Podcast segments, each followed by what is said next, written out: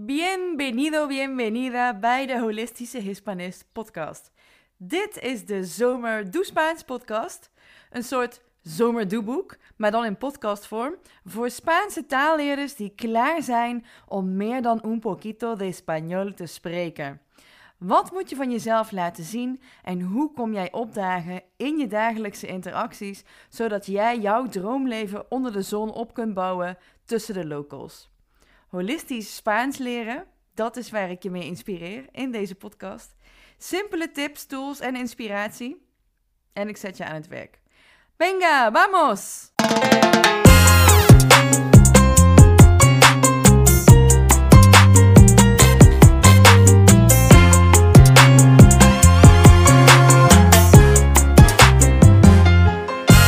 Bienvenido, bienvenida bij je allereerste les misschien wel, die je van mij krijgt. Als je deze episode luistert en je hebt die van gisteren, de vorige episode, nog niet geluisterd, wil ik je allereerst van harte aanbevelen om die eerst te luisteren. Als je hier namelijk bent, dan ben je waarschijnlijk geenthousiasmeerd doordat ik de holistische Hispanist ben. Je leert dus op een holistische manier Spaans bij mij. Als je geen idee hebt wat dat inhoudt, luister dan eventjes terug. Scroll helemaal terug naar beneden in jouw favoriete podcast-app waar je dit luistert naar aflevering 6. Holistisch Spaans leren. 15 redenen waarom yoga het leren van taal ondersteunt. En als je mij een beetje kent, dan weet je dat ik heel erg yoga-fanaat ben. Niet alleen ehm, door de houdingen. Wij kennen yoga hier in het Westen vooral uh, als, een, als een sport, als iets wat je met je lichaam doet. Maar yoga is nog zoveel meer dan dat. En holistisch leren betekent ook juist die delen van jou aanspreken die je kunt versterken, die jou um, meer als persoon neerzetten in het leren van de Spaanse taal. Daarover hoor je alles in die vorige episode. Um, dus ga ook zeker je intentie zetten, want die intentie is hetgeen die jou ver gaat brengen. Als je niet weet waarom je iets doet, dan ben je binnen de, kortste keren raak je gedemotiveerd, gooi je de handdoek in de ring en zet je jezelf eigenlijk neer. Ja, maak je jezelf klaar voor een teleurstelling. Terwijl ik wil juist dat je jezelf klaarstoomt voor een succeservaring. En met de methode waarmee ik werk als Neurolanguage Coach, wil ik ook dat je weet dat succes is niet iets wat je in één keer behaalt. Dat is iets wat je ervaart door steeds kleine succeservaringen opeen te stapelen. En daarom beginnen we dus ook met iets heel erg kleins. Uiteraard heb ik bij deze les voor jou een downloadbare PDF waarin je nog eens alles na kunt lezen en luisteren. Ook krijg je daar een geweldige tip om jouw uitspraak te oefenen. En zou ik je willen vragen om deze in je stories, in je Instagram stories te willen delen. En als je mij dan wilt taggen, at dan ga ik je reposten en geef ik je feedback. Als je durft. Ik zou het super tof vinden. En dan beginnen we natuurlijk met de uitspraak. Um, ik vind het een van de belangrijkste dingen die je als basis onder de knie moet hebben en misschien niet om direct als een native speaker te klinken, maar als je dit weet, dan heb je het geheim in handen, de formule, de succesformule in je handen, of ja, eigenlijk tussen je oren geknoopt zitten, om als een native speaker te kunnen klinken en om ook woorden te herkennen. Want het Spaans heeft een alfabet wat fonetisch is. Dat betekent dat je het uitspreekt precies zoals je het leest, maar uiteraard wel volgens de Spaanse uitspraakregels en niet volgens de Nederlandse. Dus je moet eerst die uitspraakregels kennen en pas dan kun je ook, als je een nieuw woord hoort wat je nog niet kent, weten hoe je dat woord schrijft en het dus opzoeken naar de rond. En dat lukt niet zolang je blijft hangen in de Nederlandse uitspraakregels. We beginnen met de klinkers. De klinkers zijn hetzelfde als die wij in het Nederlands hebben. De A de E, de I, de O en de U, oftewel de U. Je hoort het al, die klinkers zijn kort. Als wij in het Nederlands het woordje zee zeggen, naar de zee gaan, dubbele E, dan maken wij daar een iets langere zee-uitspraak van. En soms maken we daar zelfs nog een zetten we er nog een J achter. We gaan naar de zee. Dat is iets heel erg Nederlands. Dat doe je in het Spaans niet. Een klinker is altijd kort en heeft een enkelvoudige uitspraak. Dus de A is de A als in kat. De letter E kan een E-uitspraak hebben, maar dus geen E. E of een E als in kip. E of E.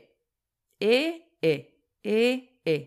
En de E-uitspraak lijkt misschien een beetje op een E met een accentje naar achteren, zoals wij in het woordje he he zeggen. Dan is het een E. En een E is hetzelfde in het Spaans. Het is eerder een E of een E als in kip. En een E is eerder een E met een accentje naar rechts, zoals in oké of hey. Alleen zouden wij daar een J achter zetten. De I is een I, als in lief. De O is O. Het is geen O, het is een O. En de U is geen U, de U bestaat niet. Vandaar dat je ook veel Spaanstaligen die hier in Nederland komen wonen, moeite zult horen hebben met de uitspraak van de U. Laat staan in combinatie met een van die gekke klinkercombinaties die wij hebben, zoals E, Europa of ui. De U is een U, zoals in het woordje boek. En de U wordt niet uitgesproken met de lettercombinaties Q-U-E, Q-U-I. Dan wordt het ke en ki, zoals in het woordje ke en kien. En de combinaties G-U-E en G-U-I. Dan is het guitarra in plaats van guitarra. Dus die U staat er dan tussen om de uitspraak van die G zo te behouden. Want een guitarra zonder U wordt een guitarra en dan krijg je een G-klank in plaats van een G-klank. Let op, het is een functionele U. Uh, daar ga ik zo nog verder op in bij de uitspraak van de G. Voor nu wil ik dat je weet dat de U altijd een U-uitspraak heeft. Dus behalve in de ke, ki, ge, gi, dan wordt die U niet uitgesproken. Ik had het net al over die geweldige klinkercombinaties die wij in het Nederlands hebben. En ik heb ook al gezegd dat het Spaans een fonetisch alfabet heeft. Dus de klanken uit de gesproken taal staan eenduidig in geschreven vorm vastgelegd. En wij in het Nederlands hebben klinkercombinaties zoals een dubbele E. Ik noemde net al het woordje zee. Uh, ook in het woordje leer. In het Spaans hebben we ook het woordje leer. L-E-E-R. Alleen spreken we dan de E dubbel uit. Want er is geen klinkercombinatie die zegt een dubbele E is een lange E, zoals bij ons. Dus het woordje L-E-E-R, dat is het werkwoord, het hele werkwoord voor lezen, leer. Je hoort het al, die E herhaal je. Leer, leer. Het woordje voor Europa schrijven we exact hetzelfde. Alleen in het Spaans is het geen Europa, maar is het Europa. Een E, als in de uitspraak voor de letter E die we hebben, en de uitspraak voor de letter U. En die plak je dan aan elkaar, dus dan wordt het Europa. Europa, in plaats van Europa. Die E, die kennen ze niet, oké? Dat is weer die gekke U van ons, die bestaat niet. Europa.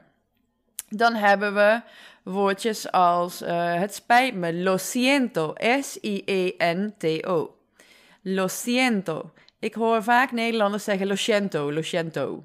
Allereerst die O op het einde is geen siento met een W erachter, is een gesloten korte O. O, lo siento. Ik zei het net al, de klinkers worden niet langer gesleept of gemaakt dan dat ze zijn. Het is gewoon een O, als in stok, lo siento. En dan die IE, in het Nederlands is een IE een I, hè, lief, bijvoorbeeld. In het Spaans hebben die letters hun eigen klank. Dus de I is een I en de E is een E. Siento, siento. Dus het is geen sh-klank, want het is een S en een I siento. Oké? Ik wil dat je dit meeneemt als je klinkercombinaties dus ziet. Ga niet in het Nederlands denken van, oh, er zijn twee klinkers, dus die krijgen een eigen klank. Eh. Losse klinkers, losse klanken. Dan hebben we de slisklanken, de letters C, S en Z. De C kan zowel als een k-klank klinken, als in bijvoorbeeld het woordje coche of carro wat staat voor auto. Coche in Spanje, carro meer in Latijns-Amerika. Een C met een A, O of U daarna is dus een K-klank. Een C met een E of een I is een Th-klank. Th, een slisklank. En die slisklank, die klinkt in Spanje als uh, de Engelse the. Terwijl je zet het puntje van je tong tegen je voortanden aan. En dan ga je slissen. blaas je lucht naar buiten, door je lippen door. Dan krijg je die Engelse TH-klank. Bijvoorbeeld in het woordje cielo, hemel. Cielo. In Latijns-Amerika echter bestaat die slisklank niet. Het kan zijn, uh, als je nog helemaal nieuw, nieuw bent bij de Spaanse taal, dat je denkt dat de Spanjaarden maar een rare lispel hebben. Maar uh, dat hoort zo officieel in die taal. Weet dat van ouds in de Nederlandse taal deze klank ook bestond. Ja, en het belangrijkste verschil is dus dat je weet dat je in Spanje die lispel hebt en in Latijns-Amerika niet. Dus daar is het gewoon een S, S-klank, cielo. En in Spanje is het cielo. Met die E en die I. En die E en die I wil ik dat je goed onthoudt, want die ga je vaker als ezelsbruggetje tegenkomen. Uh, wat mij daarbij altijd heel erg helpt, is het ezelsbruggetje Girona. Girona. Um, Girona is de Spaanse naam voor de stad Girona. En Girona, zo spreken we hem uit op zijn Catalaans, is de, de Catalaanse naam. Uh, alleen in het Spaans is de E en de I dat zijn de letters Girona. Girona, waar dus de G met een E en een I komt, uh, zijn de letters die vaak uitzonderingen zijn op de uitspraak van een letter. Dus ook bij de C. Een C met een E of een I is een slisklank en geen k-klank. En met de andere klinkers is het een k-klank. Dan hebben we nog natuurlijk de normale letter S. Die zien we in het woordje casa, huis. C-A-S-A. Casa. Dat is gewoon een s-klank zonder die lispel, want dat is een S. En die lispel heeft alleen de letter C met een E of een I en de letter Z. Nou wil ik wel een duidelijk verschil maken uh, met de S. Bijvoorbeeld als je Italiaans kent, en daar heb je het woordje voor huis, dus precies hetzelfde woord, C-A-S-A. Maar in het Italiaans maak je van die S dan meer een Z-klank. Casa. Casa. Dat is in het Spaans niet. De S is echt een scherpe S-klank. Casa. Casa. Het woordje casa met een Z, C-A-Z-A, spreek je echter wel weer uit met die lispel, want de Z heeft die lispel. Tenminste, als we het over Spanje hebben. Caza. Caza. Met je tong weer tegen je voortanden aan. Behalve op de Canarische eilanden, daar hebben ze die lispel niet. Caza. En caza met een Z betekent jacht. Dus dat is een heel ander woord dan huis. Oké? En dan de Z. Nou, ik zei het al, die heeft in Spanje wel die lispel. Bijvoorbeeld in het woord voor schoen, zapato. Zapato. Ga je naar Latijns-Amerika, dan is het weer gewoon een S, een S. Zapato. Zapato. Oké, dus die lispel bij de letter C en Z, zolang het een slisklank is. En de gewone S is een gewone S. En de C met een A, O of U is een K-klank. Dan hebben we nog de B en de V. Ik krijg heel vaak de vraag: hoezo klinkt de Spaanse V als een B? Um, ik durf bijna met zekerheid te zeggen dat dat heeft te maken met hoe het uit het Latijn is gekomen. Uh, hoe dat precies zit, weet ik eigenlijk niet. Daar zou ik eens een keer in moeten duiken. Um, want volgens mij was ook in het Latijn de letter V juist de U of andersom. Maar zoals ik al zei, daar zou ik uh, nog een keer in moeten duiken. Um, 75% van de huidige Spaanse woordenschat komt voort uit het Latijn. Even belangrijk dat je dat weet ter achtergrondinformatie. Um, maar als we zeggen, hoezo klinkt de V als een B, alsof dat iets heel erg raars is, vind ik het altijd leuk om meer een ezelsbruggetje te slaan. En je hoort het al, mijn methode werkt heel erg met ezelsbruggetjes, want we willen het kunnen onthouden, toch? Als je trouwens eens kijkt naar waar een ezelsbruggetje vandaan komt, dat waren hele kleine bruggetjes om ezels te helpen oversteken. En ezels die zijn heel erg bang voor water. Um, ja, kleine ezelsbruggetjes die jou helpen de sprong te wagen. Nou, als we dan naar het Nederlands kijken, dan merken wij van de V, en vooral als we in de Randstad zitten, waar we een beetje een ander accent hebben. Ik, helaas, sorry, ik kan het niet zo goed nadoen. Ik hoop dat ik je niet beledig hiermee. Maar dan maken ze van de V een F. We vakken vullen in de Albert Heijn. Verven. op straat. Ja, dus dat. De V en F. Vakken op de faculteit. Mijn favoriete vak of Spaans. Voor mij in ieder geval. Dus de V is een B, in het Nederlands is die een F. Dus als we dan een verschil maken tussen de Nederlandse B, dat is een volle plofklank. Je zet je lippen op elkaar en dan ga je daar lucht doorheen sturen, waardoor die plofklank eruit voorkomt zodra je je lippen open doet. Die horen we, die Nederlandse B, aan het begin van een woord en als de B na een medeklinker komt. Of de V, voor dat geval, want ze hebben dus dezelfde uitspraak. Dat hoor je bijvoorbeeld in de woorden Barcelona. Ik zal hem op zijn Spaans zeggen met de C als die klank. Barcelona, Valencia, Amberes. Nog een keertje. Barcelona, Valencia, Amberes. En als je mee zit te lezen, dan hoor je dus inderdaad dat de V van Valencia, dus Valencia, heeft precies dezelfde uitspraak. Dus je kunt niet zeggen de B is een harde B en de V van Valencia is een zachte V. Nee, zowel de B als de V, als die vooraan een zin staan of na een medeklinker, hebben ze die harde Nederlandse B-plofklank. De zachte B, die geldt ook zowel voor de B als de V, omdat ze nou eenmaal dezelfde uitspraak hebben. Die is wat zachter en zonder de lippen te sluiten. Nou, eigenlijk maak je die klank al vanzelf als die dus tussen twee klinkers staat. Bijvoorbeeld de B in het woordje Cuba, Cuba, Cuba. Omdat je een klinker, het kenmerk van een klinker is dat je dan je lippen open hebt, zodat hij weer klinkt in je mond. Um, Cuba, Cuba. Avila, dat is een V. Avila, een stad. Avila. Cuba, Avila. En misschien vind, vind, je het nog rarer om van een B-klink een soort van zachte V te maken. Want deze klank klinkt voor mij dus veel meer dan een V dan als een B. Omdat je je lippen dus niet compleet dicht doet. Cuba, Avila. Ik hoop dat je hier veel aan hebt. Deze klank maak je eigenlijk bijna vanzelf, omdat je dus je lippen al niet dicht doet tussen twee klinkers in. De volgende letters, de uitspraak van de J en de G. Nou, je hoort wel, ik heb een zachte G. In Spanje hebben ze een harde G. Ik ben er niet zo goed in, dus sorry als het een beetje raar klinkt. Ik kan doen alsof ik ABN Nederlands spreek, maar het voelt heel onnatuurlijk voor mij als ik dat doe. Ik heb een poosje met een aantal Hagenezen in een huis gewoond. En toen zei mijn familie wel, Debbie, waarom uh, spreek je zo... Uh, doe eens gewoon Brabants, doe gewoon normaal. Nou ja, dat dus. Uh, maar ik denk, doordat ik Brabants ben, ik heel erg weet hoe ik me moet aanpassen, omdat ik altijd als de vreemde eend in de bijt word gezien als ik niet onder de Brabanders ben.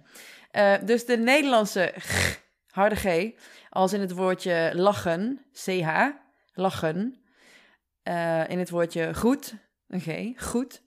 Dus de Spaanse G heeft de uitspraak. En dan hebben we ze weer, de E en de I. Dus Gerona. Girona. Eigenlijk is Girona de Catalaanse naam en zeg je Girona. Maar even voor het belang van deze ezelsbrug. Gerona. Girona, dus de E en I met de G, zijn een G-klank. En de letter J, ongeacht met welke letter die gecombineerd wordt, heeft altijd de G-klank. Oké, dus ook de letter J, la Jota. La Jota is de Spaanse naam voor de letter J. Jota. Bijvoorbeeld, ze komen allebei terug in het woordje jengibre, wat het Spaanse woord is voor gember. En dan hebben we nog de G, uiteraard, gecombineerd met de A, O of U. Zoals in het Engelse good of garçon. En je hoort het al, dan is het geen g-klank meer, maar een g-klank. Bijvoorbeeld in het woordje guapo of guapa. Of in het woordje wat ik eerder noemde, guitarra. Ja? En in guitarra staat dus die U ertussen en wordt die U niet uitgesproken. Maar die U, als je die weghaalt, dan staat er GI. En een GI zou een G-klank zijn. Dus dan zou het zijn guitarra. En dat is niet het juiste woord. En wellicht is het je opgevallen dat er in het Spaans een aantal letters in het alfabet staan die wij niet hebben, zoals CH wordt als één letter beschouwd. Dat komt omdat dat een klank is die dus niet uh, los van elkaar wordt. Het is geen de H heeft sowieso geen uitspraak. Dus het is geen hola, maar hola. Ehm, en de C met een H, ja, we horen het al, C in, in combinatie met een EI zou een th-klank zijn. Maar met een H, ja, nou ja, vandaar, dit is dus een ch-klank. Zoals in het woordje chico en chica. Ch, de CH is een ch. Ik zei net al, de H eh, wordt niet uitgesproken. Dan hebben we nog uh, de enje, een N met een krulletje daarbovenop, een tilde. De enje, die vinden we in het woordje voor Spanje, España. En dat is een NJ-klank. España, España. Het is niet uh, zoals in het Nederlandse woordje ranja of zo. Het is niet een volle je-klank. Ik zou hem eerder zien als je hem zou moeten uitschrijven als een N met een I erachter. Niet. En dan de letter die daarachter komt. Bijvoorbeeld de A in España. España. Oké, dus het is eerder een I dan een J. Um, dan hebben we nog de dubbele L. Die heeft maar liefst vier verschillende uitspraken. Maak het jezelf makkelijk als je een beginner bent en maak er een je-klank van. Ik leg in mijn programma Español Elemental alles uit over de klank van die letter, de dubbele L, vier uitspraken. Voor nu maak er een J van. Dus van de V en B en van de dubbele L een J. Een je, een je-klank. Bijvoorbeeld het woordje voor sleutel, dubbele L, A, V, E, la llave. La llave, de sleutel. Um, de Q. De Q heeft een Q-uitspraak. En de Q wordt altijd gevolgd door een U. En die U spreek je dus in combinatie met, met de QUE en QUI niet uit. En dan hebben we nog de letter R, de rollende R. Heel veel Nederlanders hebben moeite met de rollende R, vooral als je uit het zuiden komt en net als ik de R achter in je keel hebt zitten. Wij hebben meer de Franse R. In uh, het noorden van het land is het iets makkelijker om met een ronde R te spreken. Uh, als je er moeite mee hebt, maak dan met je mond de beweging voor de letters P en D en heel snel achter elkaar herhalen. Dan heb je het puntje van je tong tegen je gehemelte aan liggen achter je voortanden, je bovenste voortanden. En als je dat per dag drie minuten doet en je herhaalt het drie weken lang achter elkaar, dan kan ik je garanderen dat jou die trilklank met je tong gaat lukken.